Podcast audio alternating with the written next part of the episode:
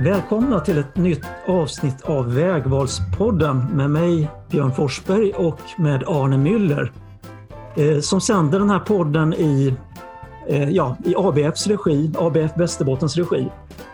Den här veckan så skulle vi båda varit ute och hållit i omställningsseminarier runt om i några av Västerbottens kommunerna men då på grund av pandemin har omöjliggjort det här så har vi istället fått chansen att göra några nya avsnitt av våran podd. Och eh, det ämnet vi har tänkt oss för idag det är, det är då elbilen och om alternativen till elbilen. Eh, för att längre fram i sändningen så kommer vi ha med oss en gäst, eh, Urpo Taskinen, som blivit en ambassadör skulle man kunna säga för ett fordon som vi hör ja, väsentligt mycket mindre om än om elbilen. Men som tycker åtminstone jag, eller tror jag, har kanske ännu mycket eller ännu mer lovande utsikter än elbilen. Och vi har ju dig på länk här redan nu uppifrån eh, Norrbotten, uppifrån eh, Vittangi gissar jag? Ja, tack. Hej! Eh, Vittangi är det. Ja, välkommen. Eh, hur är det med dig Urpo? Hur är det uppe i Vittangi idag? Har ni också snöigt eller? Ja, vi väntar på dagens snöfall som ska vara 15 centimeter enligt uppgifter, men vi har bara 2 mm. centimeter än så okay. länge. Ja, ja. Nej, här är, det, här är det snö på väg att bli regn tror jag, men vi har lite fin inramning med ett, ett, ett, ett, flock renar som precis strövar förbi här nedanför hemma hos oss. Men i vilket fall så eh, funderar du på att skaffa en elbil kan man ju inleda, ta som en inledande fråga här innan vi som en öppningsfråga. Ja, absolut inte. Absolut inte. vi kanske kan få, få reda på skälen till det här senare. Men, men eh, vi återkommer till dig senare under, under sändningen och eh, tills dess så kommer vi då att tala om elbilen. Och alltså, det har blivit väldigt mycket fokus på elbilar idag och från samhällets sida så har ju elektrifieringen av vägtrafiken blivit kan man säga, en av hörnpelarna för klimat och miljöpolitiken, för fossilomställningen. Och det här väcker ju såklart en hel del frågor. Varför har det blivit så här? Och vad säger det om vårt samhälle att det i klimatomställningen är så mycket fokus på just elbilar? Eh, har du någon tanke kring det, Arne? Jo, men det har jag väl, för att jag tycker man ser ju att det finns en väldigt, väldigt stark vilja inom näringslivet och, och bland många politiker att hitta de där enkla lösningarna som gör att ekonomin kan rulla på ungefär som den har gjort tidigare. Bland annat att bilindustrin kan fortsätta att sälja lika många bilar som, som eh, tidigare och gärna ännu fler om de får, får som de vill. Och, och i det mönstret så passar ju elbilen in perfekt. En bil utan avgasrör som åtminstone i annonserna har noll i utsläpp och, och som man kan beskriva som en, ett grönt alternativ till den gamla fossilbilen. Det är bara att ladda med, med el från vind och vattenkraft och så kör man på som förut. Men samtidigt, och det, här kommer vi att prata mer om idag, eh, så gör ju det här att blicken vänds bort från de här mer svåra delarna. Att, att genomföra mer långsiktiga förändringar som innebär att man faktiskt inte behöver köra så mycket bil, att det inte behövs lika många bilar som idag. Mm, exakt. Jag delar ju nog väldigt mycket din, din analys där, att det samhället ser väl det här som en, som någon slags win-win lösning, att både ha och äta kakan, eller man ska kunna ut, uttrycka saken, att, eh, att både liksom att klara omställningen och samtidigt fortsätta ungefär som nu på, på samma spår som nu med vårt nuvarande liksom konsumtionssamhälle och tillväxtinriktade samhälle. Eh, och vi tänker alltså att diskutera elbilsatsningarna, samhällets elbilsatsningar utifrån en rad utgångspunkter och med ganska så kritisk blick. Eh, men vi kommer också att höja blicken och fundera över om de här storskaliga satsningarna på elbilar och elektrifiering av vägtrafiken, alltså om det är vad samhället verkligen behöver. Eller kanske, alltså som sagt, om det finns andra och mer hållbara vägar framåt.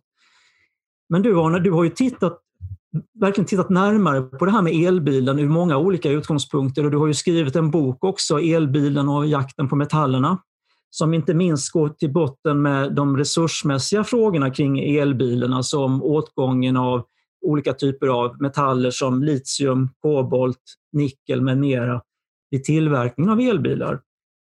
Eh, och, så det skulle, man skulle kunna börja kanske i den änden. Alltså hur, hur mycket resurser kräver egentligen tillverkningen av en elbil? Det är klart att det är en svårt besvarad fråga. Det beror på väldigt mycket, kan jag tänka mig. Men, kanske, men en annan fråga är också, då, finns, tillräckligt, finns det verkligen tillräckligt med metaller och mineraler?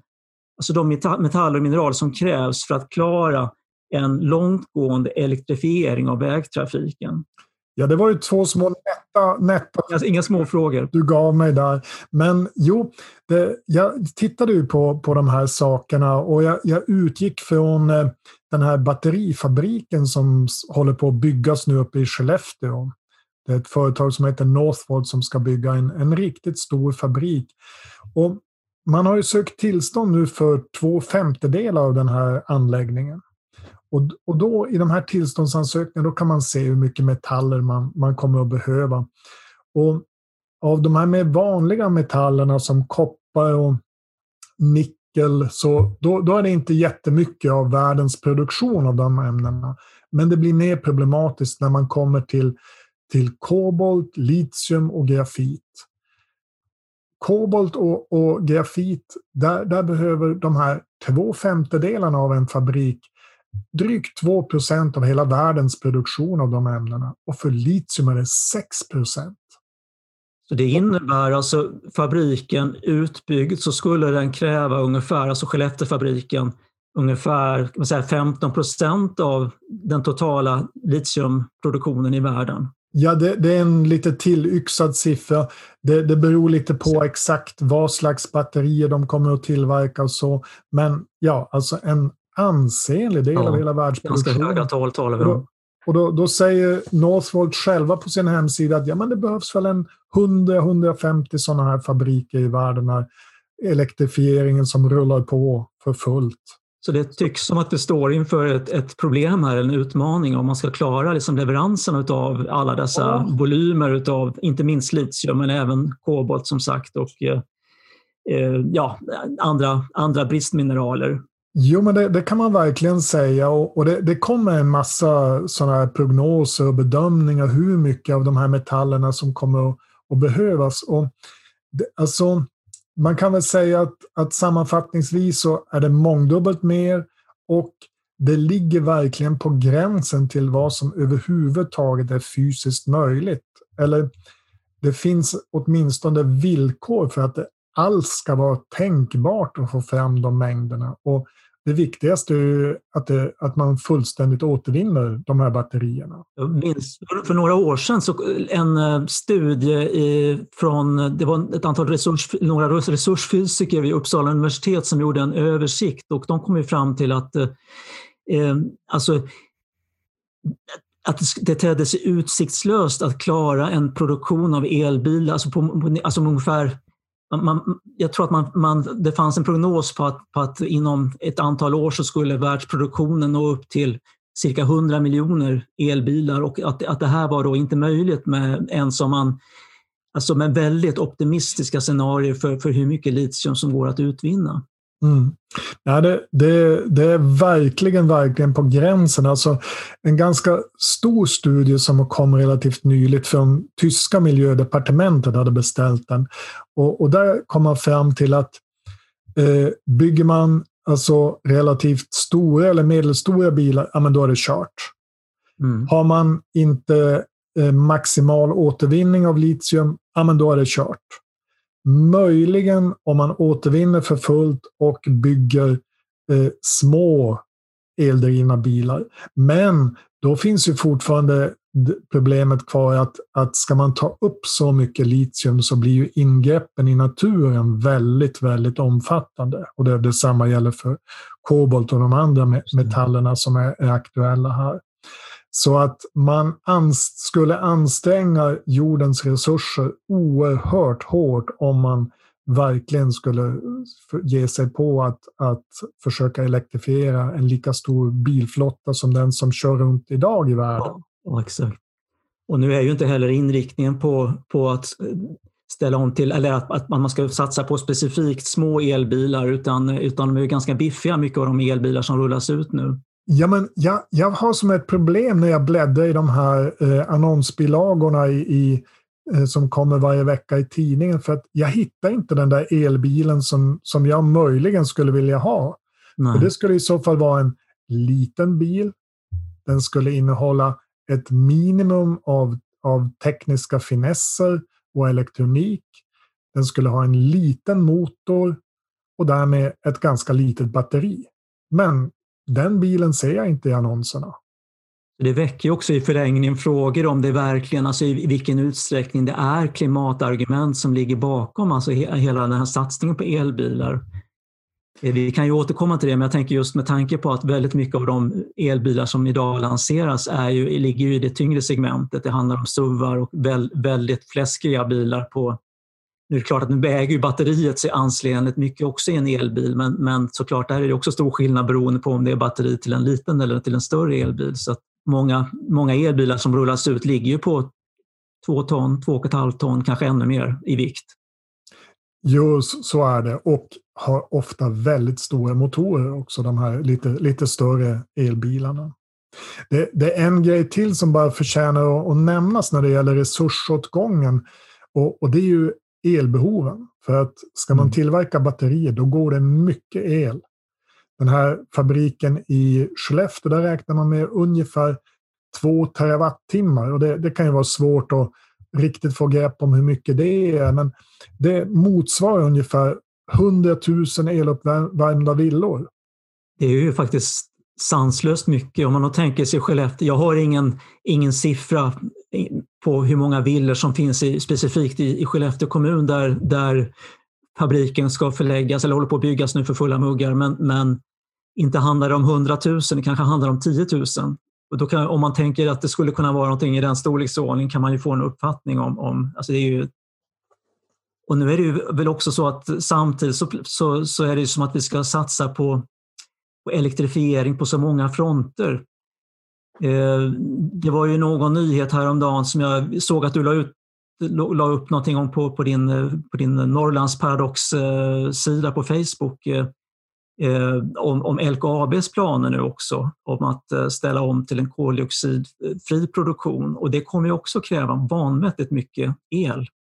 Ja, det, jag tänker liksom om man adderar alla de här olika satsningarna och sen när det gäller, när det gäller Northvolt-fabriken, batterifabriken, så är det såklart att det som kommer ut ur den här fabriken det drivs ju också utav el. Alltså drivs, det är ju också alltså produktionen av, av eh, elbilsbatterier. Så man tänker, man, när man summerar allt detta så kan man ju fundera över, över liksom, går, går detta ihop i slutändan? Nej, jag tycker det är väldigt svårt att, att, att se det, för det, det är sådana enorma ökningar. Alltså, bara det som är aktuellt nu i norra Sverige, de satsningarna, eh, det handlar om ungefär 50 procents ökning av hela Sveriges elanvändning.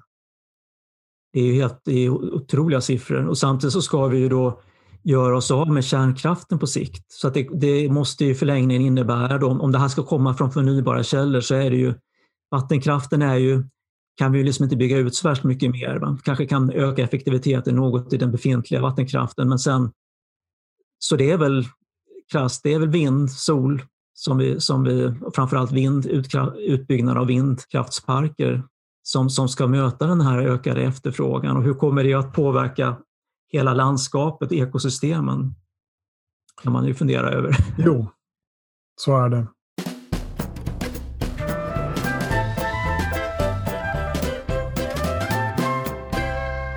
Men eh, du sa någonting om, om återvinning här.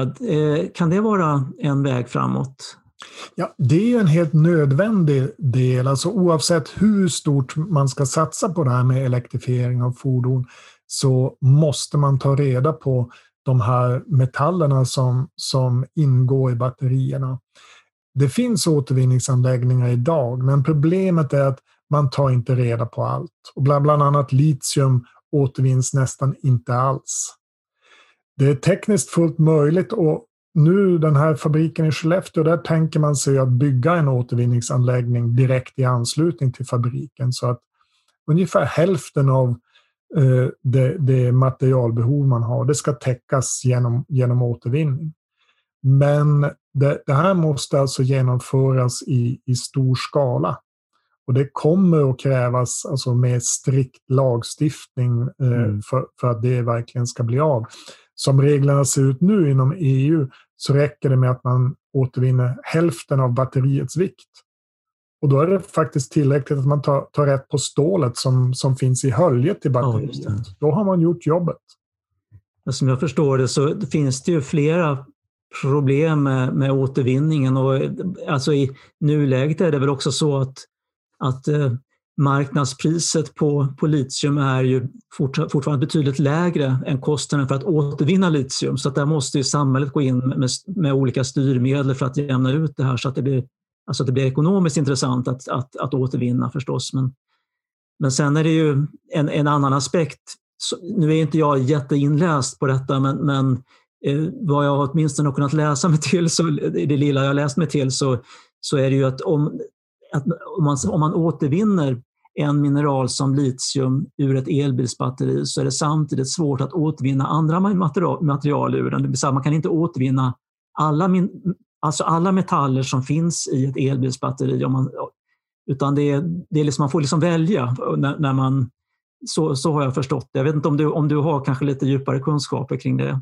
Ja, alltså de, de som kan den, den där kemin, de säger att det, det går nog, men det kostar. Så, så det är ju det att, att det här måste som vara en del av den totala kostnaden för batteriet som finns med i, i kalkylen så att säga. Eh, det här måste helt enkelt göras. Även om det är lite komplicerat. Ja, precis. Jag tänker även på det här med fördröjningsfaktorn, liksom att om, om samhället nu ska satsa på en kraftig utbyggnad av elbilsflottan och generellt elektrifiering av vägtrafiken så de alltså batterier som tillverkas idag, det kommer ju dröja kanske tio år tills de, de går till återvinning. Och ska vi då öka antalet elbilar, elfordon väldigt kraftigt så kommer ju efterfrågan på batterier, alltså att eh, det, kommer liksom hela tiden lagga efter det här med, med återvinningen. Alltså det, det, det, som, det material som är möjligt att återvinna kommer att vara betydligt mindre alltså än, än, än efterfrågan på litium och mm. andra, andra mineraler. Så det, jag tänker, har du någon, någon, någon fundering kring det? Ja, nej men så är det ju. Det, det kommer att vara en, en fördröjning. Eh, om, om man nu sköter det, det, här på ett bra sätt, då kommer, ju, kommer det att, att eh, ändå inom en, en rimlig framtid att, att jämna ut sig så att, att återvinningen börjar stå för en allt större del av behoven. Men det, det kommer ju att ta något årtionde. Säkert, absolut. Eller några kanske till och med. Och, men du har ju tittat även på, på produktionsförhållandena, alltså hur det ser ut i, när man utvinner de här mineralerna och på de platser man utvinner till exempel litium, kobolt och ja, andra eh, kritiska mineraler i tillverkning av elbilsbatterier. Har du något, hur ser det ut egentligen? Är det, är det liksom eh, schyssta villkor och eh, hållbara metoder eller Ja, nej, det, det, kan man ju inte säga. Det, det finns stora problem. Alltså kobolt utvinns ju till, till stor del, mer än hälften av världens kobolt. Det kommer från Demokratiska republiken Kongo och det är ju ett land som är ökänt för dålig, dåliga arbetsmiljö och dåliga miljöförhållanden inom gruvnäringen. Det, det är eh, en betydande del av, av den kobolt som utvinns, utvinns alltså med hantverksmässiga metoder. Det, det är folk som jobbar med hacka och spade och sen säljer det de, det de får fram till större gruvbolag. Det är ju liksom, det är en otrolig ironi det, när man samtidigt tänker på hur, hur elbilar ofta marknadsförs som liksom clean tech och, och väldigt high tech och, och, och, rent och fint och så, och så har vi det här liksom bakom fasaden så att säga. Ja, det, det är verkligen eh, ungefär så dåligt som det kan bli när det gäller litium så, så det, det utvinns på lite olika sätt, men en betydande del det kommer från ökenområden i Latinamerika. I Chile, Argentina, Eh, och med, med, flera länder. Där, där finns det stora, stora litiumfyndigheter. Men problemet är då att då behöver man rätt mycket vatten för att utvinna litium. Så att i Atacamaöknen i Chile räknar man med att två tredjedelar av det vatten som finns går åt för litiumproduktion. Nu eh, är det tryck på branschen att eh, göra någonting åt det här. Så man, man jobbar mer nu med avsaltningsanläggningar för att få fram vatten på annat sätt. Men det här är fort, fortsatt ett stort problem. Och då ska man också vara medveten om att avsaltningsanläggningar är ju extremt energikrävande. Alltså det är väldigt mycket ja, fossil ja, energi som, som, som, som, går åt i, i de här avsaltningsprocesserna. Jo, det, det, är ju hela tiden att, att man kommer inte förbi det där att då de här alternativa lösningarna, men då, då går det istället mycket energi. Sällsynta jordartsmetaller, där, där ligger merparten av tillverkningen eller utvinningen i Kina. Och, och, även där har man väldigt dåliga både arbetsmiljö och miljöförhållanden. Det, det var ett program i, i, Sveriges Radio som heter Prylarnas pris där man tittade mm. just på, på hur det går till när man utvinner de här eh, jordartsmetallerna. Ett speciellt problem där är att de nästan alltid förekommer tillsammans med uran och torium, alltså radioaktiva ämnen. Så att det är något som, som man då får i det avfall som blir kvar. Det är som att Moder Jord säger åt oss att lämna kvar det här i backen. Det är, jag tycker det är som att det är en som Pandoras ask det här med elbilen. Alltså det, det finns så mycket problem och utmaningar och för varje liksom, jag vet inte, dörr man öppnar eller hur man ska uttrycka det så är det, liksom, så, så, så, är det nya liksom, ännu fler dörrar och det är liksom det, det, när man börjar nysta i det här, det, liksom, det, det, är det är så många, eller för varje, varje fråga leder vidare till följdfrågor, så kanske man kan uttrycka det. Det, det är liksom, eh, som ett outtömligt eh, ämne. Liksom. Det finns så, så många problem som behöver liksom, eh, hanteras när det gäller elbilen för att få, den verk, för att få en hållbar produktion. Ja, visst. I alla led. I, i, i, hela, i hela kedjan. Och, och sen är naturligtvis skalan på det hela eh, avgörande. Alltså, det, det är ju självklart att det, det, är bra att gå bort från fossilt, fossilt bränsle. Det, det, är ingen tvekan om, om det och att, att det finns eh, potentiellt miljövinster eh, med, med elbilar. Men det är just det hur, hur många procent av, av dagens fordonsflotta går att klara på ett hållbart sätt? Ja, men exakt. Och sen, sen en annan fråga som jag väl tror att du har tittat på lite grann också, det är ju det här med hur ser det ut med, med tanke på handelspolitik och eh, att vi nu går, verkar gå mot en värld med ökad protektionism och murar och sånt där. Att säkra liksom leveranskedjan av de här batterimineralerna och komponenterna till elbilsbatterierna framöver med tanke på, inte minst med tanke på att Kina kontrollerar ganska mycket av mineralproduktionen, åtminstone när det vissa mineraler och som du precis var inne på här. Och även då i, inte bara i, Kina utan även i Afrika. Mm, mm. Eh, ja. Hur ska vi se på det? jo, men så, så är det ju. Eh, Kina har en väldig dominans både vad gäller kobolt och sällsynta jordartsmetaller. Och det märks. För ungefär tio år sedan då blev det en, någon liten fnurra i handelspolitiken och Kina stoppade under en period eh, exporten av sällsynta jordartsmetaller. Och då stack ju priserna på, på de ämnena rakt upp i, i höjden, flerdubblades. Eh, så, och det, det, vi ser nu på senare år det är ju att det blir en allt mer intensiv konkurrenskamp mellan de stora ekonomiska makterna, eh, Kina, USA, EU, om tillgången till de här råvarorna. Eh, det, det, märks att, att Kina är ju ute och eh, mutar in områden på, på många håll i, i världen. Eh, och USA gör, gör likadant och till exempel Trumps utspel om att köpa Grönland. Det var ju direkt kopplat till att där finns världens näst största fyndighet av sällsynta jordartsmetaller. Tuta och kör. EU-kommissionen e flaggade väl, jag tror det var förra året, för att det skulle kunna bli, uppstå en kritisk brist på både kobolt och nickel i en ganska nära framtid, alltså för de europeiska biltillverkarna. Och, och vad jag har kunnat förstå så, är, så försöker man ju då eh, Vissa biltillverkare har ju knutit eh, band till Kina eller kinesiska intressen, kinesiska eh, företag, kinesiska staten. Och andra hoppas väl då på att vi ska bygga upp en inhemsk produktion här i Europa. Och ja, är det väl BMW bland annat. Jag, jag har inte hela bilden medan Volvo kanske har, har, liksom, eh, har, har försökt säkra tillgång via Kina. Och, och Northvolt-fabriken är ju också en bricka i hela det här spelet såklart. Mm. Det är ju inte liksom en tillfällighet heller att, att EU gått in och satsat alltså med, med så mycket pengar i den här satsningen. Ja, helt klart är ju att det inom EU finns ett väldigt tryck för att, Eh, att öka tillgången på metaller inom EU-området. Man gärna vill se att det startas nya gruvor på hemmaplan så att säga. Och hur ser det ut på den punkten?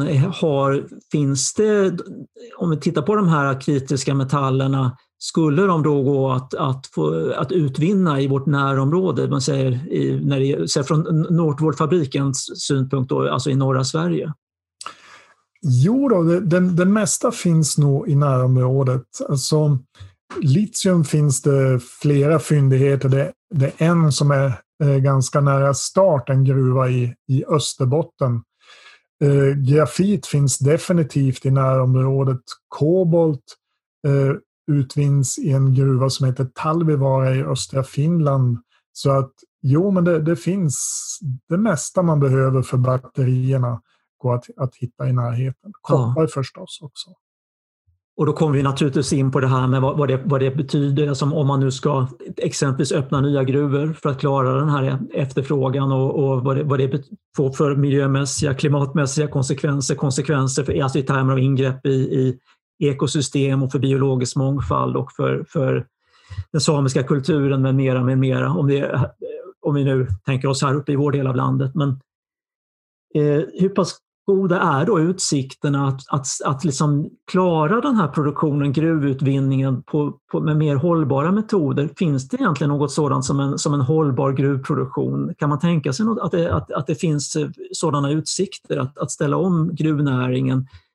Och då tänker jag även på det, alltså rent, rent eh, såklart även liksom arbetsförhållanden för de som jobbar i gruvan. Men, men, men som sagt, om vi tittar på, på det ekologiska fotavtrycket kanske i första hand.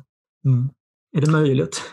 ja, men det, det, finns lite olika svar på, på det. Jag tittar faktiskt på, på den frågan i eh, boken Elbilen och jakten på metallerna.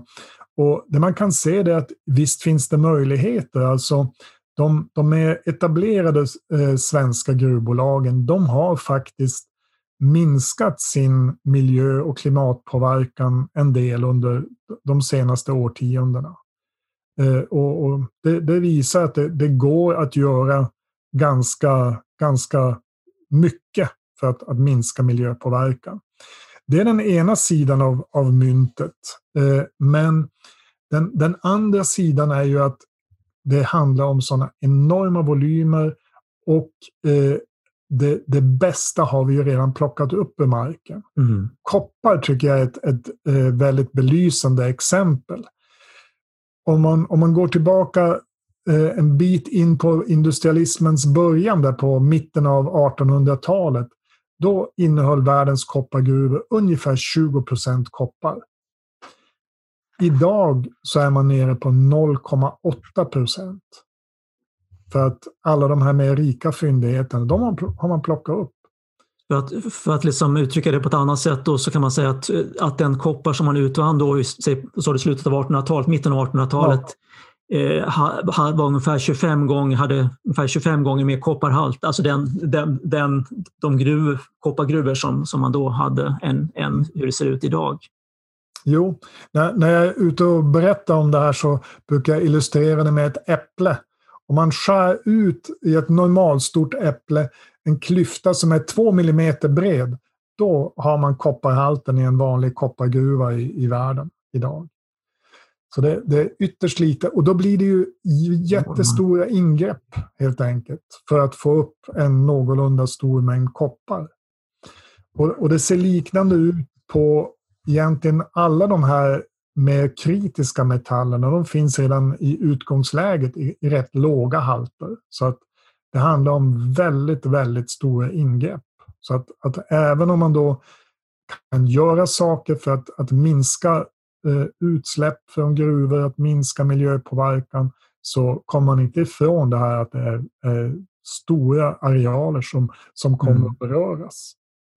Jag tycker det är liksom ett lite otäckt scenario för att det här är ju någonting som inte, inte riktigt problematiseras idag i politiken eller av samhället eh, när man talar om den här omställningen, elektrifieringen utav transporterna och generellt elektrifieringen eh, som någonting eh, ganska oproblematiskt. Det, det är liksom en, en, en klimatanpassning men, men, man ser inte den större bilden och vad, vilka enorma ingrepp det, det, detta orsakar i, i, ute i landskapen. Om man, om man då summerar eh, ny gruvdrift som, som, som kommer att krävas, eh, vindkraftsparker och annat. Liksom, och, och man adresserar inte riktigt den frågan. Alltså, utan, utan, eh, det finns liksom ingen broms på det hela. Alltså det, om man, eh, jag tänker att hade vi som samhälle en inriktning på att, på att, på att få ner vår resursanvändning, att, eh, att liksom, eh, där elbilen var en del i, i, en, i en omställning där, som också syftade till att, så att säga, minska transporterna, att minska alltså behoven av transporter och, och där där utbyggnaden av vindkraftsparker också vore ett led i en, i en omställning som handlar om att minska behovet av energi när vi går från det fossila. Då hade jag haft lättare att vara med på noterna, men nu är det som att vi bara ska gasa på för fulla muggar och, och eh, ödelägga vad som är kvar av våra, av våra ekosystem i, i omställningens namn, vilket är en stor ironi. Jo, det, det kan man ju verkligen säga. Alltså, man ser ju inte de här jättesatsningarna som nu görs på att bygga vindkraftparker, batterifabriker och så vidare eh, inom områden där, man, där, där det, syftet är att minska eh, trafiken, att minska resursförbrukningen. Jag tror att man skulle kunna uppnå underverk för eh, 30 miljarder kronor, vilket är kostnaden för, för batterin batterifabriken om man skulle satsa en sån summa på att minska transportbehovet i samhället. Ja, det är en jättebra poäng. Alltså, att, och det, det väcker ju då frågan vad, vad, vad som är, nu ska man inte låta alltför konspiratorisk här, men vad som är som agendan bakom när man, när man satsar på till exempel som nu Northvolt-fabriken. Om det verkligen är så som det marknadsförs en klimatsatsning eller om det finns andra intressen i, i, liksom i, i, i, den här typen av satsningar. För den här, om vi, om vi, ska, om vi ska hänga oss kvar lite grann vid Northvolt, så jag bor ju själv då i Skellefteå kommun och hypen kring den här fabriken har ju varit smått otrolig. Eh, ändå kan jag känna mig ganska kluven kring, kring den här satsningen, och, och, eller ganska skeptisk. Och hur, hur, ser du på, på Northvolt-fabriken? Alltså är det en, en, en klimatsatsning i, i första hand eller, eller en motiv som ligger bakom den här utbyggnaden? Vad tror du? Ja, batterifabrikanter startar fabriker i första hand för att sälja batterier. Inte för att ställa om klimatet. Det, det är en positiv sidoeffekt kanske, men, men det är inte det det verksamheten går ut på. Så det måste man ju ha klart för sig. Sen, alltså, eh, jag, jag, tror ju att eh, det är viktigt med en övergång från fossildrift till el. Alltså, elbilar är ett steg framåt jämfört med fossilbilar. Det handlar mer om i vilken omfattning man ska göra det. Och, och då kommer det att behövas ett antal batterifabriker. Och då tänker jag ju att, att Skellefteå är en av de bästa platser jag kan komma på för att lägga en, en batterifabrik. För att här finns tillgången på förnyelsebar el i närområdet. Det finns ganska många av de råvaror som man behöver i fabriken. Det finns ett kunnande redan när det gäller återvinning och det finns planer på en återvinningsfabrik och det finns bra mm. transportvägar till och från. Så att det, det är nog en, en väldigt bra plats för en batterifabrik. Det, det tycker jag man ja. kan säga. Ja, men det, det känns ju, det tycker jag som kloka synpunkter. Jag, vad jag funderar, Northvolt-fabriken har ju beskrivits som den, som den största industrisatsningen i Sverige på många decennier. Och, och det är ju för, för en som bor, för oss som bor i de här trakterna så är det ju naturligtvis spännande när det, när det sker något sånt här. Men samtidigt så är det ju, jag tänker att det finns, eh, nu kanske vi kommer lite bort från elbilsämnet, men det här storsbulna kring det hela, liksom att det, det är någonting som verkar appellera till, till våra politiker, att man, att man det finns ganska mycket avskräckande exempel på eh, när man bygger upp ett, ett, eh, ett, ganska ensidigt beroende på kanske ett eller några få stora företag i, i, en, i mindre kommuner eller halvstora kommuner som Skellefteå är. Det gör den ganska sårbar om man tänker sig då att, att, att, det, att det, någonting sker med konjunkturen eller att den här satsningen inte faller väl ut. Va? Det, vi har ju exempel, jag menar, det finns ju runt om i Sverige Bengtsfors och andra kommuner som har förlorat den dominerande arbetsgivaren på orten liksom med, med, med ganska förödande konsekvenser. Och, och den, det perspektivet verkar inte finnas i Skellefteå i, i politiken utan det, utan det är liksom gasa och tuta och kör. Och samtidigt som man då marknadsför det här då väldigt mycket som en klimatsatsning så, så finns det ju väldigt mycket runt omkring det hela som är allt annat än, än liksom, omges av klimatomsorg. Och då tänker jag till exempel på hur själva anläggningen tar kommer ju då fullt utbyggd. Nu är jag inte säker på om jag har korrekt siffra, men jag tror det är 200 hektar, vilket är alltså två kvadratkilometer utav tätortsnära, alltså grönyta, eh, som, som exploateras för att bygga ny industri, vilket är problematiskt ur, ur som omställningssynpunkt såklart. Och, och det kommer också, den här, industri, den här satsningen kommer ju då såklart även sätta press på, på detta med, med nya, nya gruvetableringar eller att, att man ska expandera befintliga gruvor. Men också lokalt, att det, att det, vilket man då i kommunen såklart ser som något väldigt positivt, att, att det, man räknar med att flera tusen nya arbetstillfällen men, men också att det kommer att behöva byggas väldigt mycket nya bostäder. Och det är klart att det kanske är positivt på, på, på vissa sätt, det här med, med att det, det, det skapar framtidstro naturligtvis, att folk får jobb är naturligtvis positivt, men sen kan man fundera över hur hållbart det är om en kommun, en stad ska växa över alla sina breddar. Liksom, att, och det planeras nya handelsområden och annat. Ja, det, det är väl det att, att eh, än så länge i alla fall så ser man ju inte att, att etableringen av batterifabriken går hand i hand med någon klimatomställning i kommunen. Alltså, ja, du nämnde handelsområden. Jag tror att det finns rätt konkreta planer på att bygga ett nytt handelsområde söder om stan. Och där tar man sig ju för pannan utifrån klimatsynpunkt att det fortfarande byggs handelsområden utanför städer 2020. Ja. Eh, det, det är ju verkligen inte i linje med en klimatomställning. Men eh, det finns som sagt, jag tycker det finns en, del, en hel del man kan fundera kring när, när det gäller Northvolt-satsningen.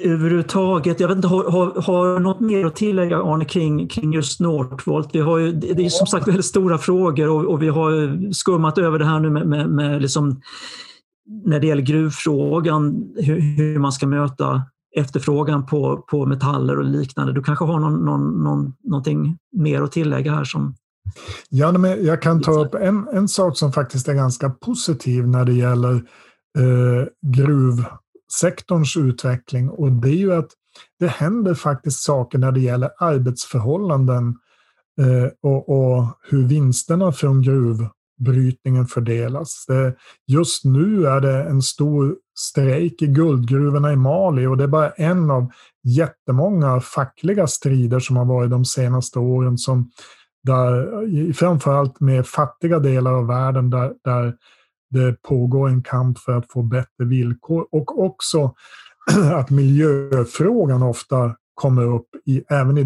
de här delarna av, av, av världen. Och, och, leder till väldigt omfattande strider mot gruvbolag. Och det man också ser det är att, att eh, de här, här länderna i, i Afrika, delar av Asien, Latinamerika har en bättre förhandlingsposition nu. Det går att se att det, det är rätt många länder som höjer kraven på sådana royalties och andra skatter på, på gruvbolag. Det är intressant. Är det även, även gentemot Kina? Jag tänker Kina har ju väldigt starka intressen i, i afrikanska länder idag. Många afrikanska länder. starka intressen, men, men det, det, åtminstone i en del länder så är det mer generella regler. Att, att man Eh, att man eh, höjer skattenivåerna helt enkelt. Jag tänker det kanske lite, ursäkta avbryta, men, men uh, samma utveckling som vi såg i, i Sverige på, på 1800-talet. När det, det, var ju brittiska intressen var ju väldigt starka här. Brittiskt kapital som starkt involverat i, i alltså när man skulle börja öppna upp uppe i, i Malmfälten och uh, men så småningom så, så tog vi då, alltså den svenska staten över den här hanteringen. Va? Det är kanske en parallell utveckling vi ser Ja, ja det, det, finns åtminstone ansatser i den, den riktningen. Ett intressant exempel är Indonesien som, som har tagit eh, en ganska stadigt tag om nickelutvinningen. För, för att man vill helt enkelt förhindra att nickelmalm Eh, exporteras utan att vidareförädlingen ska ligga i landet. Som sagt, det finns oerhört mycket och, och in, infallsvinklar på, på samhällets elbilssatsningar och uh, vi, uh, vi hinner såklart inte gå till botten med allt detta men, men kan förhoppningsvis återkomma till det här ämnet. En sak som jag har funderat på en del uh, det är ju liksom vilken roll samhället har, alltså det offentliga i, i den här satsningen på elbilar och, och generellt på elektrifiering. Eh, och där, är, där har vi nu en diskussion om, om detta med utbyggnad av laddinfrastrukturen. Där kan man fundera på i vilken utsträckning det, det här är någonting, ett ansvar som ska ligga på det offentliga eller på privata aktörer. Men däremot en mer, en mer problematisk eh, sak är ju de här elbilspremierna som, man kan, alltså som, som beviljas privatpersoner som köper elbilar. Och nu vid årsskiftet så kommer ju då nivån på det här att höjas till upp till 70 000 kan man få. Jag är inte superinsatt i allt som rör elbilspremier men jag, själv så känner jag ändå att det sticker ganska mycket i ögonen att man som enskild person kan kvittera ut 70 000 av skattemedel för inköp av en bil i ett läge där vi kanske samhället kanske snarare borde satsa på att minska behovet av biltrafik, alltså behovet av biltransporter och eh, Samtidigt som man då, när man tänker vad kan man få för 70 000? Man kan få ganska många cyklar, till och med ganska många elcyklar. Men den som köper en elcykel får ju inte motsvarande, eller, eller en vanlig cykel för den delen. Och jag tycker är någonting man, man, kan, man kan verkligen fundera kring. Och att samhället helt enkelt sänder en ganska stark signal att det är biltrafiken vi ska satsa på. Sen är det också så att, att det kanske kommer att korrigeras, men elbilspremiesystemet har ju så här långt i varje fall inte försökt att styra mot det som du var efterlyste här i början, de här små resurssmarta elbilarna med få komponenter, små batterier, utan snarare har vi sett en utveckling mot större elbilar, fläskigare batterier med allt vad det innebär. För det, är, det har vi inte riktigt varit inne på, men det är en oerhört stor klimatpåverkan också i produktionen av elbilsbatterier. Det, där, där ty tycker jag det finns alltså flera jätteintressanta exempel. som Porsche har ju numera en el, eldriven bil och den, den får man också 70 000 för i subvention om man köper. Fast alltså enligt de beräkningar jag har sett så är utsläppen från en sån bil lika stora som från en normalstor bensin eller dieselbil. Vilket är, det är helt, egentligen ganska absurt om man tänker att klimatnytta och fossilomställning då är, så att säga, är motivet till de här elbilspremierna så motverkar ju det hela sitt syfte. Om man, om man, ja, som sagt, om man, om man eh, beviljar premier till bilar som släpper ut alltså lika mycket eller mer som, som, en, som vanliga ja, bensin. Och det, det, finns en, en risk här och det, det, har man sett i, i Norge som ju är det land som har satsat allra mest på, på elbilar och, och att, att stötta den här utvecklingen.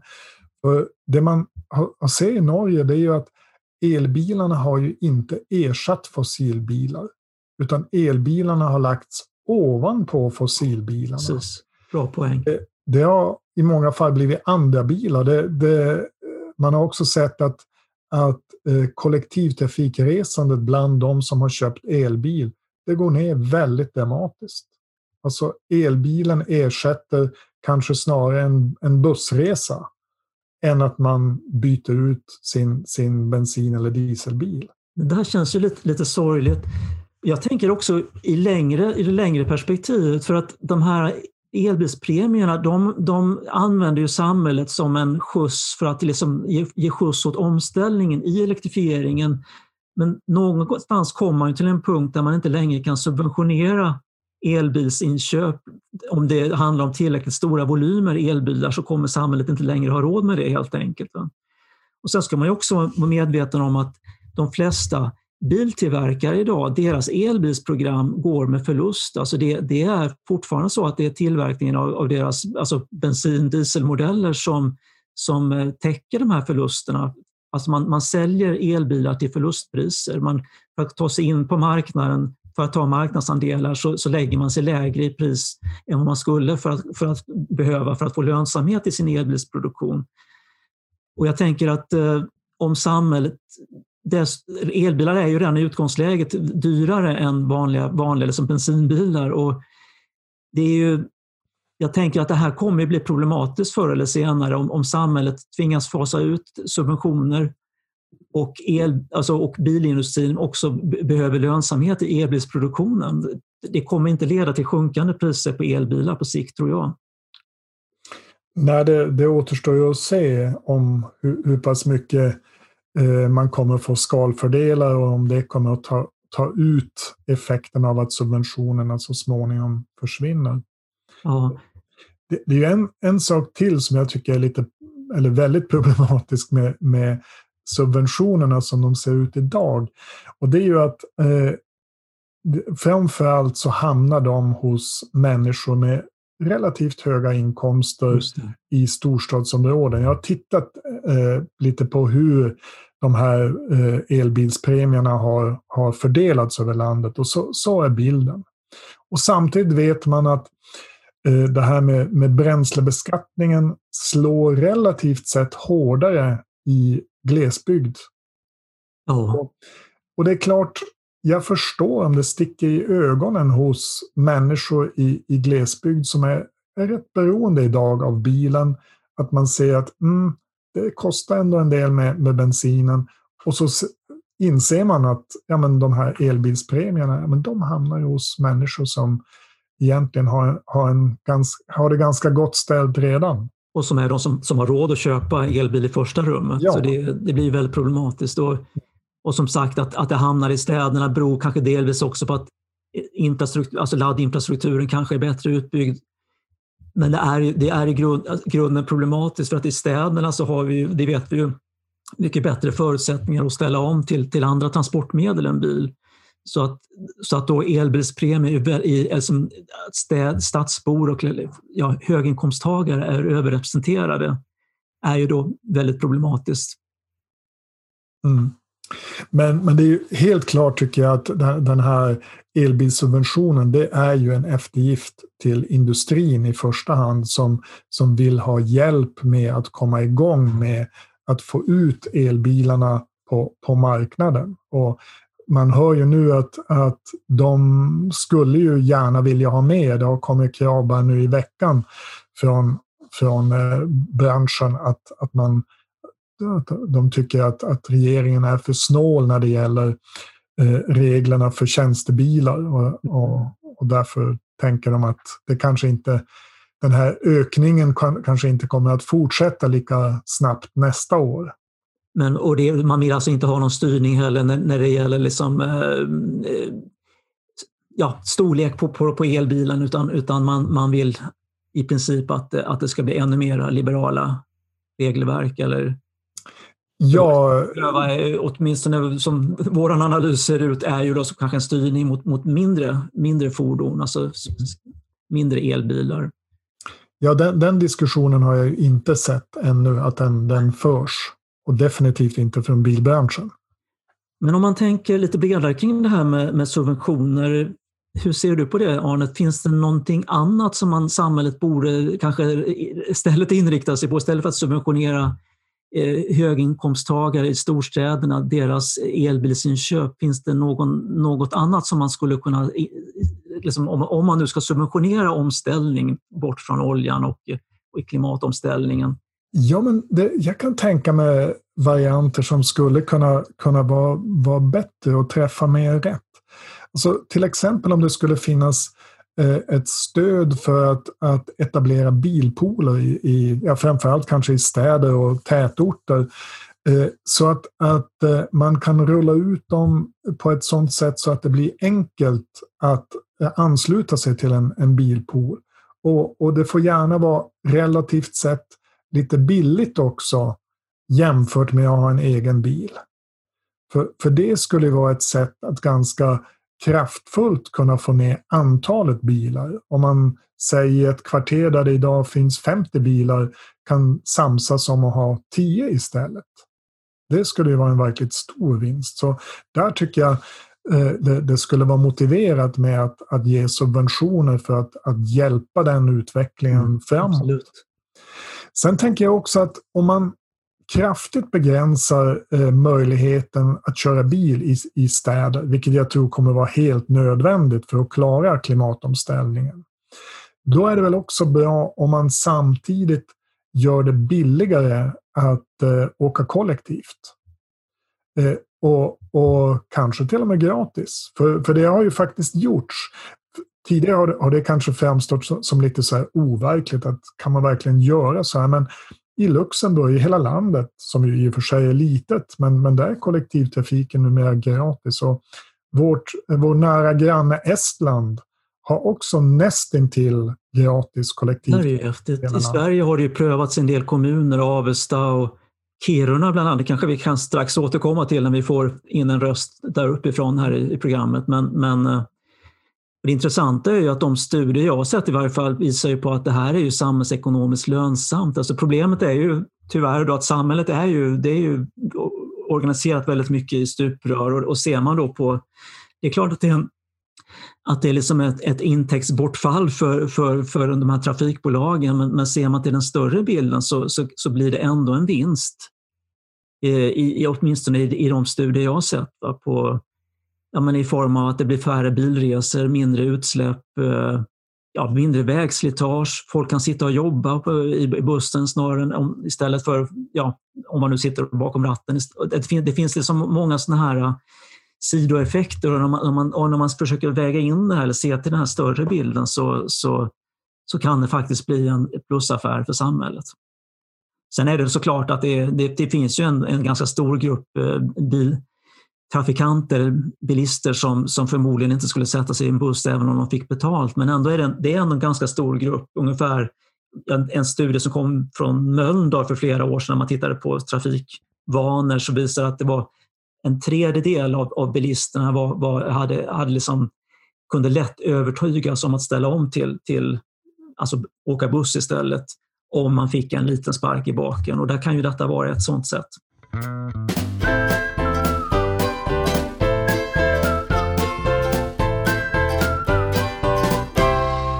Men eh, nu har vi pratat ganska länge om elbilen och om man ska försöka sammanfatta det här så kan man ju säga att det finns alltså en rad stora problem som vi behöver adressera kring elbilen. Och det är klimatmässiga problem som vi kanske inte har varit inne så djupt på nu, men resursmässiga har vi pratat mer om. Alltså hur, hur ska vi få fram de här eh, metallerna, inte minst? Om återvinningens möjligheter och begränsningar. Eh, och rättvisemässiga såklart i omställningen. Eh, mycket talar nog ändå för att elbilsatsningen, så, alltså i den form som den nu sker i samhället, är en återvändsgränd. Och, och då handlar det helt, helt enkelt om att vi, vi saknar ju väldigt mycket den här styrningen som vi skulle behöva. Att en, en inriktning mot att, att, så att säga, minska behoven av, av transporter i första rummet, minska behovet av bil, biltrafik i första rummet. Och jag tror vi behöver, liksom, vi behöver mer radikala, andra och mer radikala strategier för att klara den här omställningen. Som sagt, steg ett borde ju vara att, att, att inrätta samhället på ett sådant sätt så att vi inte behöver köra lika mycket bil, inte minst. Men det finns också andra spännande fordonslösningar som samhället fortfarande visar märkligt lite intresse för och för att diskutera ett, ett, av dessa, eller ett sådant transportmedel som ännu befinner sig väldigt mycket under radarn, men tror jag har fantastiska utsikter i fossilomställningen, så har vi då bjudit in vår gäst som jag hoppas är med oss nu. Urpo. Ja, hej. Jag har lyssnat på er. Ja, du har ju redan blivit lite presenterad här inledningsvis, eller till namnet i varje fall, och kanske ska säga något kort ytterligare om, om om din uh, gärning och din person. Och jag ja. känner ju det inte minst som en, du är ett välkänt namn i så säga, Klimatsverige och du har också en bakgrund inom Naturskyddsföreningen där du har jobbat länge tidigare. Jo, sen 2019 eh, så har jag tagit självvald pension för jag tänkte att så länge man inte äter, eh, äter några mediciner och inte går med käpp så är det smart att ta pension. Eh, visserligen så får man mindre pengar, men pengar är inte det viktigaste i världen. Eh, å andra sidan så drivs ju mycket av pengar och, och jag, jag har ju en, en bakgrund i att vara kan man säga idealist. Jag är väl en av de få lönevägrarna i Sverige. Eh, jag vet inte om det är ett känt begrepp. Eh, så här. Ja, du, får, du får definiera det kort. jag är lönevägrare är en som säger att nu måste vi höja din lön för att du har så låg lön och då säger man gör ni det så går jag i strejk. Och, och eh, det kan man göra så länge man liksom har fortfarande mat på bordet och sådär och, och känner att ja, men det man har som inkomst klarar man sig på. Kanske beror lite på och, vilken arbetsgivare man har också, om man, om man jobbar åt Naturskyddsföreningen eller åt Uber eller, eller McDonalds. Ja, absolut, absolut. Så att eh, jobba åt Naturskyddsföreningen så kan man göra sånt och, och man har inte mått illa av det utan det är eh, Jo, jag har hört er diskussion. Den har varit jättespännande och jag kan berätta då att jag har ju en, en bakgrund nu att jag år 2006 i december så fick jag någonting som eh, några människor efter mig också har fått och det kallas för klimatångest. Mm. Eh, jag satte mig och läste en bok som heter Oväder utav av en författare. Eh, Mark Linus. Författare. Ja. ja, just det. Och den där grep an mig och jag satt i en diskussion nere på Rikskansliet i, i Stockholm med, med Eh, en kollega och som var oerhört kunnig på, på det här med, med eh, klimatfrågor. Och mm. jag sa att det här, det här verkar allvarligt och då berättade han några saker till och jag började sätta mig in i frågan. Och eh, på den vägen blev det så att jag, jag började må oerhört illa. Jag var ju uppe och hälsade på det här för några år sedan i samband med att jag gjorde ett reportage och, och intervjuade dig och i arbetet med, med min bok Fartrus ja, som jag har kommit här tidigare i år. Och, eh, eh och då, då berättade du om den här, liksom klimat, det här klimatuppvaknandet eller klimatångesten du fick och hur det, hur det ledde vidare sen. Det ena gav det andra och du, du, eh, du visst hade du två bilar så dags? Hade två bilar som bara stod på gården. Ja. Ja. Och de försvann sen på något konstigt sätt? Eller på... nej, de försvann inte. Jag de försvann inte men... oktober 2009 så sålde jag mina sista bilar. Eller min sista bil och har alltså nu varit bil, bilbefriad i, i drygt, ja det blir 11 år nu. Och Det är ju lite speciellt när man bor i de trakter, du, då bodde du alltså två och en halv mil som jag minns det norr om Övertorneå när jag var och hälsade på dig. Nu bor du ju då ännu längre upp i landet. Jo, och jag hade ju arbetsfältet var hela Norrbottens län som är 25 procent av landets yta. Och då, då tog du dig runt då så länge du jobbade åt Naturskyddsföreningen i är det här fordonet då som, vi, som heter Bellomobil. Vad, vad är en Bellomobil egentligen? Ja, alltså, uh, den är så snabb så folk brukar inte uppfatta att den, den har passerat. Den är, den är ungefär, alltså min Velomobil är ungefär 2,8 meter lång. Den är ungefär ja, någonstans 90 centimeter hög och ser ut som en, en eh, ja, en liten raket kanske man skulle kunna säga som färdas på vägen. Eh, min har då fyra hjul men det vanliga är att de har tre hjul.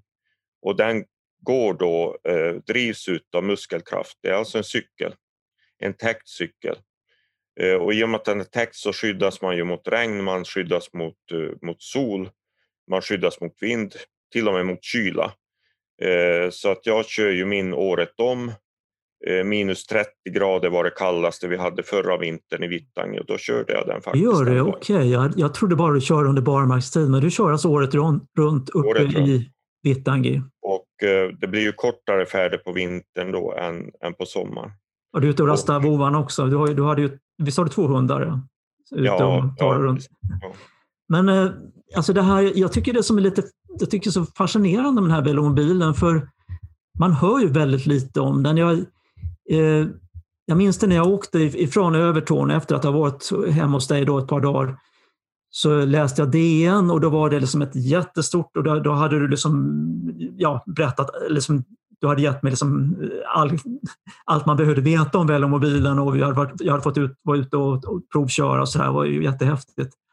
Och jag, jag läser DN och det är ett stort uppslag då om, om en sån här fläskig eh, elsuv. Och det, det, den framställdes då som en, som en, som en klimatlösning va? som en, som en del i att, i att ställa om och, och att de som körde omkring i den här 2,5 tons Teslan då var klimathjältar.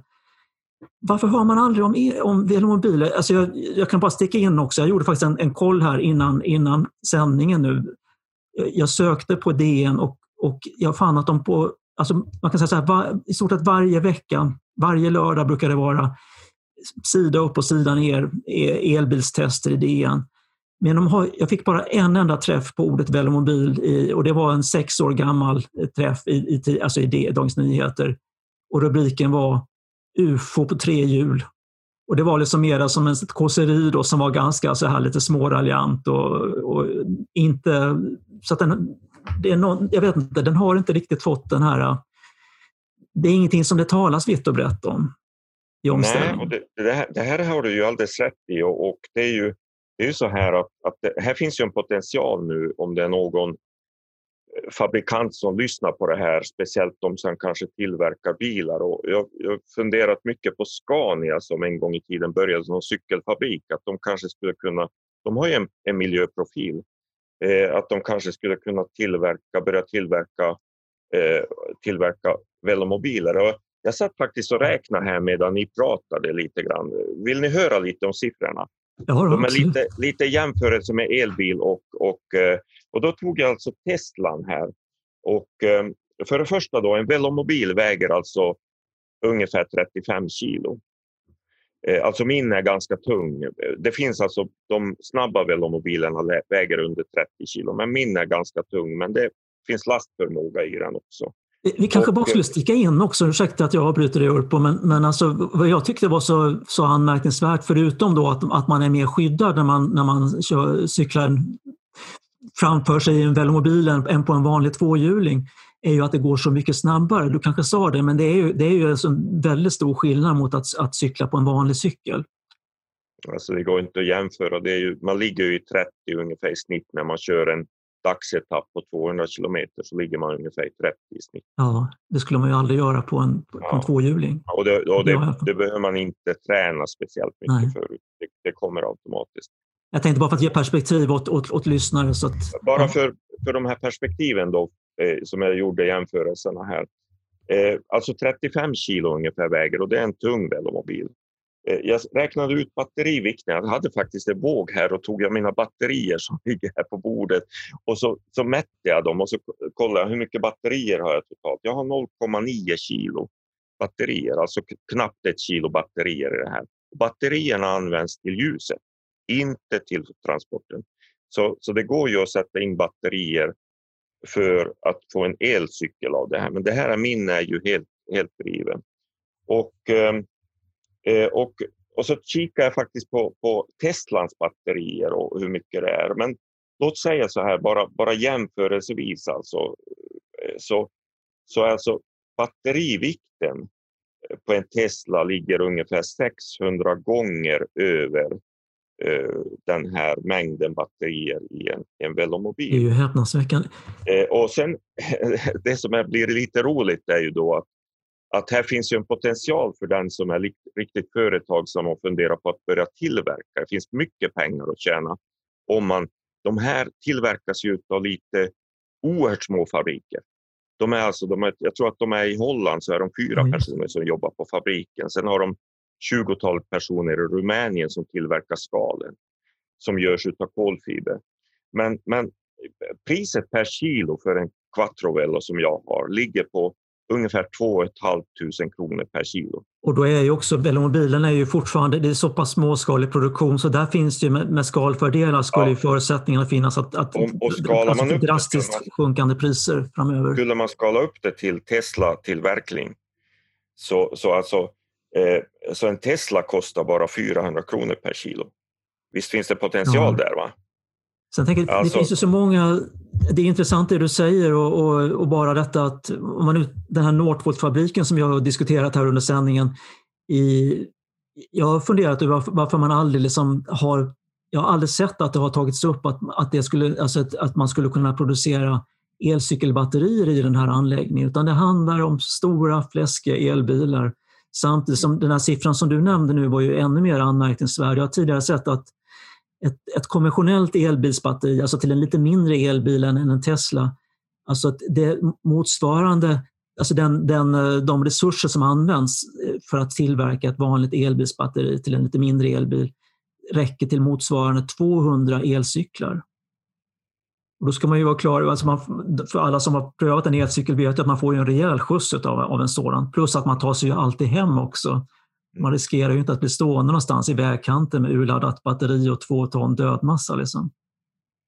Eh, sen finns det ju många andra aspekter på det här. Alltså jag, jag tänker mig så här att en utav, en utav de saker som jag tänker på är ju folkhälsa. Det, det låter ju konstigt men om man skulle så att säga sätta igång och utbilda barn i trafikvett, kunskaper i hur man och sen i slutändan så skulle de kunna få ta ett velomobilkörkort när de har gått en, en, en utbildning.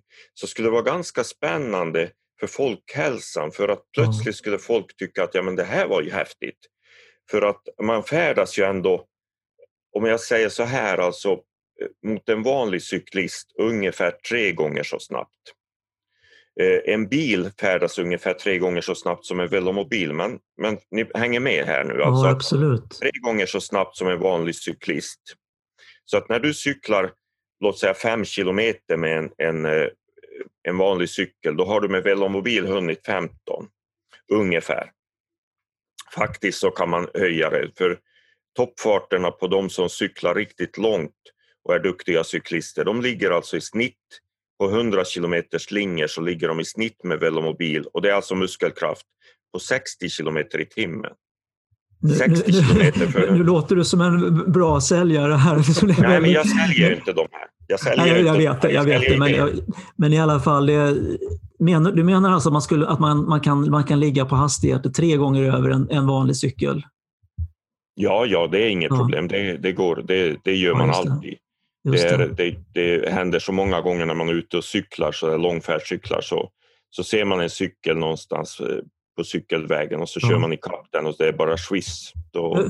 Alltså, jag tänker, för vem lämpar sig... Man säger så här, på vilken typ av, av eh, transporter så lämpar sig velomobilen bäst? Jag vet ju att du har varit ute på sådana här riktiga episka långcyklingar ner till Paris på klimattoppmötet och, och liknande. Va? Och, och, det, är ju, det, är ju, det är ju väldigt häftigt, men det är kanske inte everyone's cup of tea. Liksom. Jag tänker, för, för liksom den, ja, den genomsnittliga människan, om man säger, och så, vad, vad, vad, eller i vilken typ av situationer hur, ja. hur, mycket, hur långt klarar man sig på en... På en ja, på en, så det, det, är bra, det är en jättebra fråga, det är en väsentlig fråga. Vad, vad kan man använda det här till? Eh, om, om jag börjar från mig då så ska jag försöka se utåt i världen. Så, så själv använder jag den dagligen i princip. Till exempel att åka till affären. Vi har en, en kilometer till affären och då är ju så att att åka till affären om man inte har då tillgång till en velomobil så då ska man väl starta sin bil och, och den är ju lite kall på vintern och så vidare. Eh, och eh, då ska du färdas den här en kilometern och så har du eh, har du behövt använda, värma upp den. Men med mm. velomobil så sätter jag mig.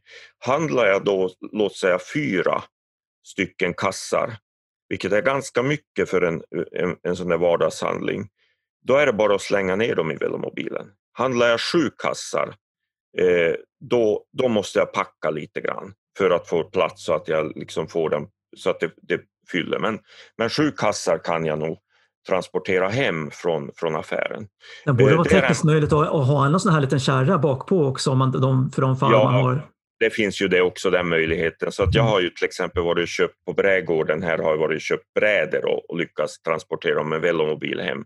Det låter ju helt knasigt men, men, men det där är ju sådana lite udda grejer då.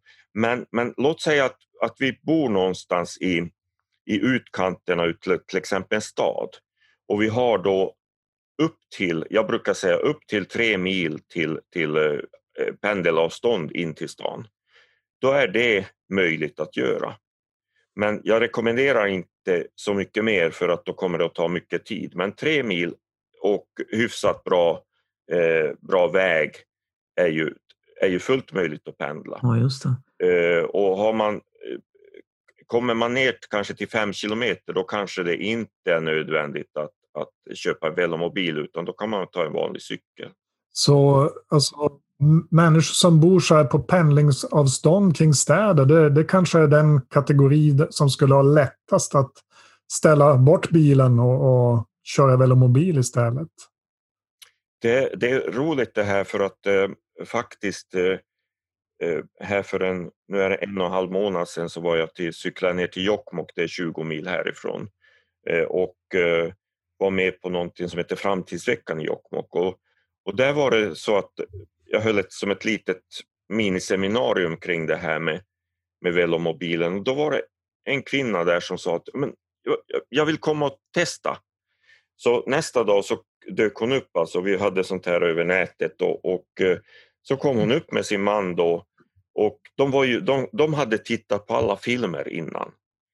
Och så sa de att ja, vi bor 25 kilometer från, från Jokkmokk och vi räknar med att vi skulle kunna sälja bort en bil mm. och sen pendla.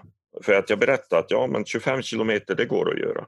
Och de blev så intresserade av det här så att de lyckades via lite lite omvägar, eh, faktiskt inte tack vare enbart mig då, utan via lite omvägar och tips jag gav så lyckades de faktiskt få tag på och hör och häpna, min gamla velomobil. Så de har alltså den, den har nu mm. hamnat uppe i, uppe i Jokkmokk och det finns alltså en velomobil som ska användas för pendling i Jokkmokk. Eh, och eh, de har varit och testat men sen kom ju snön så att de har ju liksom inte hunnit med det för en månad sedan de skaffade den. Ungefär. Jag tänker att det, det, finns ju en otrolig potential i det här fordonet och som sagt, jag, jag funderar, man kan ju fundera över varför vi inte talar mer om, om en sån här lösning som Velomobilen som, som har så många uppenbara fördelar. Både liksom det här som vi varit inne på nu, som, som du varit inne på med alltså resurseffektivitet, att det, det kostar så mycket mindre resurser än att tillverka en elbil och att det går så mycket snabbare att förflytta sig med en, än en vanlig tvåhjulig cykel. Och dessutom att man, det känns ju lite trafiksäkrare på alltså vinterhalvåret att, att cykla på i en, med en tre, fyra hjuling kanske än, än på, på, en vanlig cykel. Eh, men hur är det med, med de svenska vägarna och så här? Alltså, funkar det bra? Vi pratade lite grann om det när vi träffades i Tornedalen för ett par år sedan. Hur, hur, tycker du liksom att, att det här att cykla längs riksvägar och sånt där, är det, är det inte liksom ganska mycket trafik, alltså att, att, man, att man är ganska liten och oskyddad och så här? Att det inte är så anpassat för, för cykeltrafikanter, eller hur ser du på det? Det finns ju en, en eh, ganska massa, jag brukar säga att det finns ungefär tio sådana här allmänna frågor som är, är när, när jag kommer med velomobilen. För det första så väcker den ju oerhört stor nyfikenhet eftersom ingen har sett den som förut. Eh, och, och eh, en av de saker man ofta kommer fram till som folk säger, ja men den där syns ju inte i trafiken, men då, då är ju människor som inte har provat den. Eh, och, och, när man väl har provat den förstår man att man, man syns oerhört väl, man, man har också en bra man ser själv oerhört bra och man kan också mm. undvika situationer, farliga situationer i och med att ens hastighet inte är inte är 100 kilometer i timmen utan den är ungefär 30 eller 35 eller 40 eller kanske 45. Mm. Så, att, så att det finns alltså, vägarna är ju inte anpassade nödvändigtvis överallt men, men jag har ju cyklat nu både, alltså, jag tänkte säga jag satt och räknade upp alla länder som jag har varit till men, men låt säga att jag har cyklat mycket i Sverige och Finland och Finland har klart bättre förutsättningar för velomobil. Ja, och det beror på att de har alltså separerat den, den tunga trafiken från den lätta trafiken. Man har gjort det konsekvent genom hela landet. Eh, och I Sverige så har man gjort det här i, kring städerna och, och eh, jag skulle säga att de städer jag har cyklat, förutom nu Holland som är helt sagolikt, så är ju städer i Norden som jag har cyklat i med velomobil och där man blir helt bara, bara glad varje gång man kommer, det är ju Uleåborg. Mm. Okay. Helt fantastiskt alltså. Åk till Uleåborg och cykel bara, bara åk dit och cykel. Det är liksom en glädje. Vad, vad gör de som inte görs i Sverige? Nej, men alltså man, man, kommer där och plötsligt så har de liksom från år till år så har det liksom utvecklats. Plötsligt så är, så är cykelvägarna tvåfiliga och med märken på marken och man liksom känner liksom har jag kommit till Holland? För Holland ja. är ju helt fantastiskt, Kul. det är helt outstanding. Kul, för det, det där med Uleåborg känner inte jag till. Jag tänker, men om man ser på svenska städer så är min bild att det är väldigt stor skillnad. Alltså även jämnstora städer som till exempel tycker jag att Örebro har ju väldigt bra förutsättningar. Lund har väldigt bra förutsättningar för den som, som färdas med, med, som, med cykel medan många andra städer inte har satsat. Så det, det finns ju stora möjligheter med, med lite vilja i, stats, i samhällsplaneringen. Det är absolut så och, och eh, det är ju en, en... Eh, jag använder ju alltså velomobilen så att jag när det handlar om att eh, ta sig snabbt fram så är det ofta så att jag undviker i vissa städer så undviker jag cykelbanorna för de är i dåligt skick och kör istället i, tillsammans med bilarna. Jag har ju kört tillsammans med bilarna i Paris när jag var i Paris då, och eh, det är ju oerhört spännande kan jag säga. Där finns inte så många cykelbanor. Men, men eh, det blir ju bättre och bättre. Stockholm till exempel blir bättre och bättre nu. Ja, där är ju jättestor skillnad. Jag kommer ihåg, det var 2006 så gick ju vissa partier till val på att man skulle riva upp de här eh, cykelfälten som man hade anlagt längs vissa eh, storstadsgator i Stockholm. Men där har, ju, har det ju skett en väldigt stor förändring av attityden sedan dess. Jag ska ge ett exempel som jag kom att tänka på här nu om det här. Nu är, nu är vi inne i coronaåret 2020 men 2019 var ju inte riktigt coronaår ännu och vi visste ju inte att det skulle komma en pandemi. Men, men 20, 2019 så var jag faktiskt jag brukar berätta nu att jag, jag var två gånger härifrån Vittangi som ligger alltså i Kiruna kommun, så var jag två gånger till Helsingfors med velomobil. Två gånger vid två skilda tillfällen. Det var inte riktigt sant för att jag passerade visserligen Helsingfors bägge gångerna men, men målet var lite olika på de två olika färderna. Och, och, och då kan man ju säga så här, ja men det visar ju lite grann, det blev nästan 6000 kilometer då på de där turerna och eh, och om man nu tänker på att man är lite överviktig, eh, nu 63-åring då 62-åring, så, så kan man ju fundera på vad är det möjligt för en sportig ung person som kanske tycker att det här vore häftigt och, och eh, jag menar min hastighet ligger alltså som jag sa kanske på 30 kilometer i timmen i snitt men jag menar det går ju om man är vältränad så kan man ju höja det till 40 och då, är, då åker man i princip halva bilhastigheten utan att behöva, man kan köra runt alla bensinstationer, ta en sväng runt dem och så tittar de jättemycket, vad är det, vad är det som kommer där? Och, och så, så fortsätter man bara. Och, ja, så den där lilla bilen behövde inte tanka. Mm. Och det, det, är lite roligt, man ser alltså minen. Och sen har man, det fantastiska är ju liksom man möter hela tiden människor som vill veta vad det här är.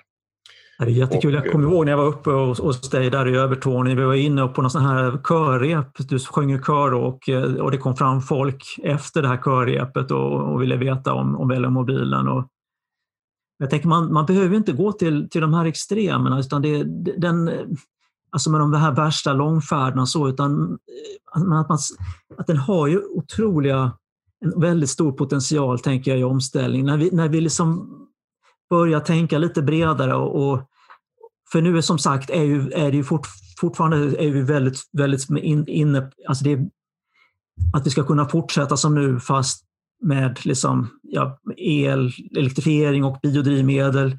Men vi diskuterar inte omfattningen av transporten och bilsamhället ska fortsätta. Men jag tänker att den dagen vi, vi, vi liksom, som samhälle som höjer blicken så, så har, ju, har ju velomobilen ändå utsikter att ge oss en, ändå en skapligt dräglig framtid, alltså när det gäller korta transporter i närområdet. Som Den ekonomiska biten i det måste man komma ihåg också att jag har ju aldrig fått en så hög, jag, jag sa ju i början här att jag är lönevägrare, eh, men jag har aldrig fått en så stor löneförhöjning när jag sålde bort bilarna. Det har varit en, en enorm, alltså jag, jag, det händer ju fortfarande att man behöver så att säga en bil och då får man låna av grannarna de mm. få gånger man behöver det. Men man tänker ju alltid, behöver jag verkligen? Nej, just det. Eh, och, och, så när man då ska tanka, lämna tillbaks bilen och ska tanka den och man tänker, hur klarar alltså vanliga familjer av det här med den här ekonomin då? eh, jag menar, jag känner ju att eh, ibland så känns det som att ja, men nu skulle det vara bra om vi kunde liksom och sådär. Men, men, ja, men hur ska vi klara av det ekonomiskt då?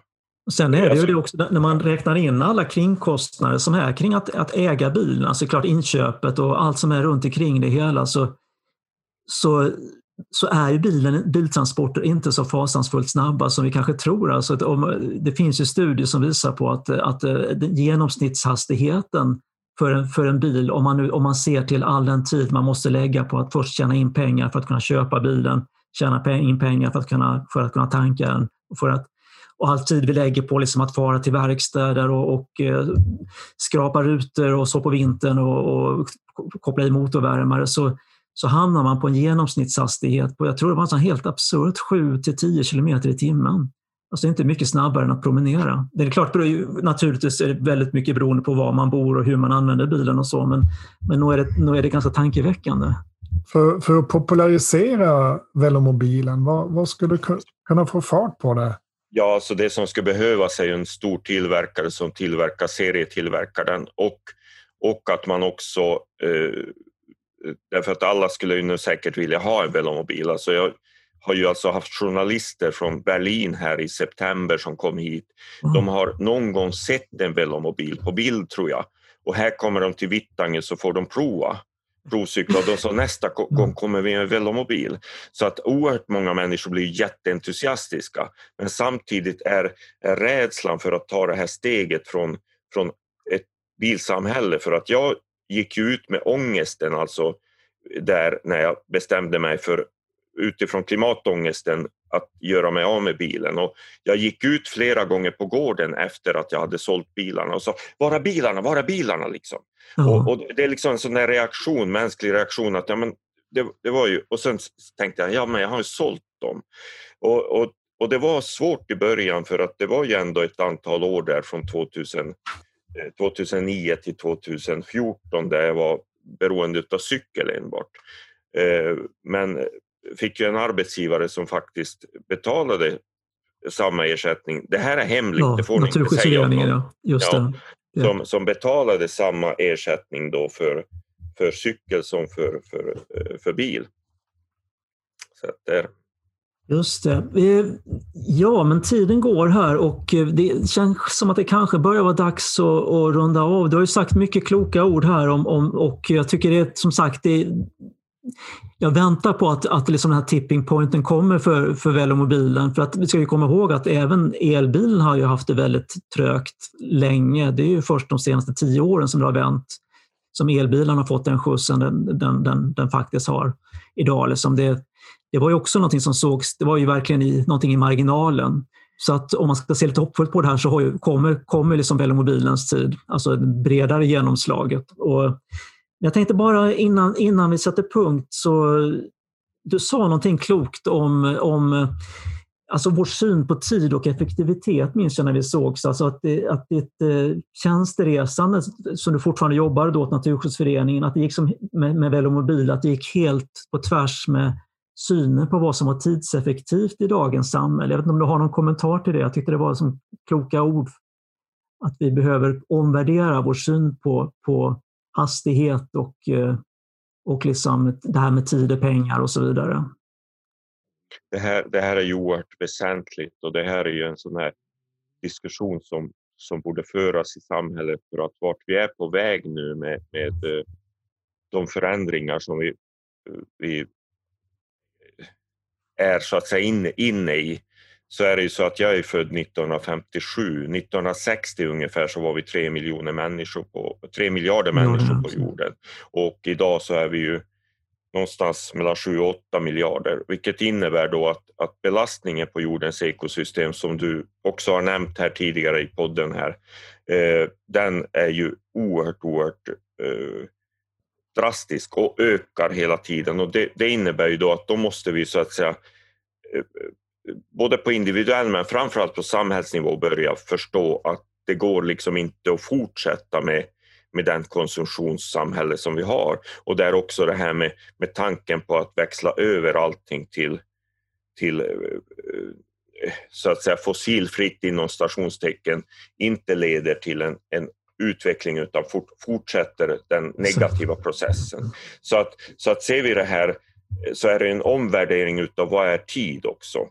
Och eh, eh det är, den tanken är ju, är ju oerhört väsentlig att, att börja diskutera de här frågorna, att våga diskutera de här. Ja. Jag minns du sa någonting om att eh, när du åkte, för då hade du precis varit, åkt ner till Luleå eller Piteå från var du då mm. bodde, typ fram och åter med, med velomobilen och att en vanlig arbetsgivare hade aldrig, liksom aldrig accepterat det eftersom det tar längre tid alltså, än, att, än, att, än att förflytta sig med bil. Men, men Naturskyddsföreningen hade liksom det här, liksom, var mer open-minded och, och, och insåg att det här hur lång tid det tar att förflytta sig, att vi, att vi, kanske, inte, att vi kanske måste släppa det här med att som, som nu idag, vi har vant oss vid före, före covid-tider, som att kunna flänga ner till Stockholm över dagen på affärsmöten med flyg och sånt där. Att, det kanske, att vi kanske måste, måste liksom omvärdera hela vår syn på, på tid, effektivitet och snabbhet.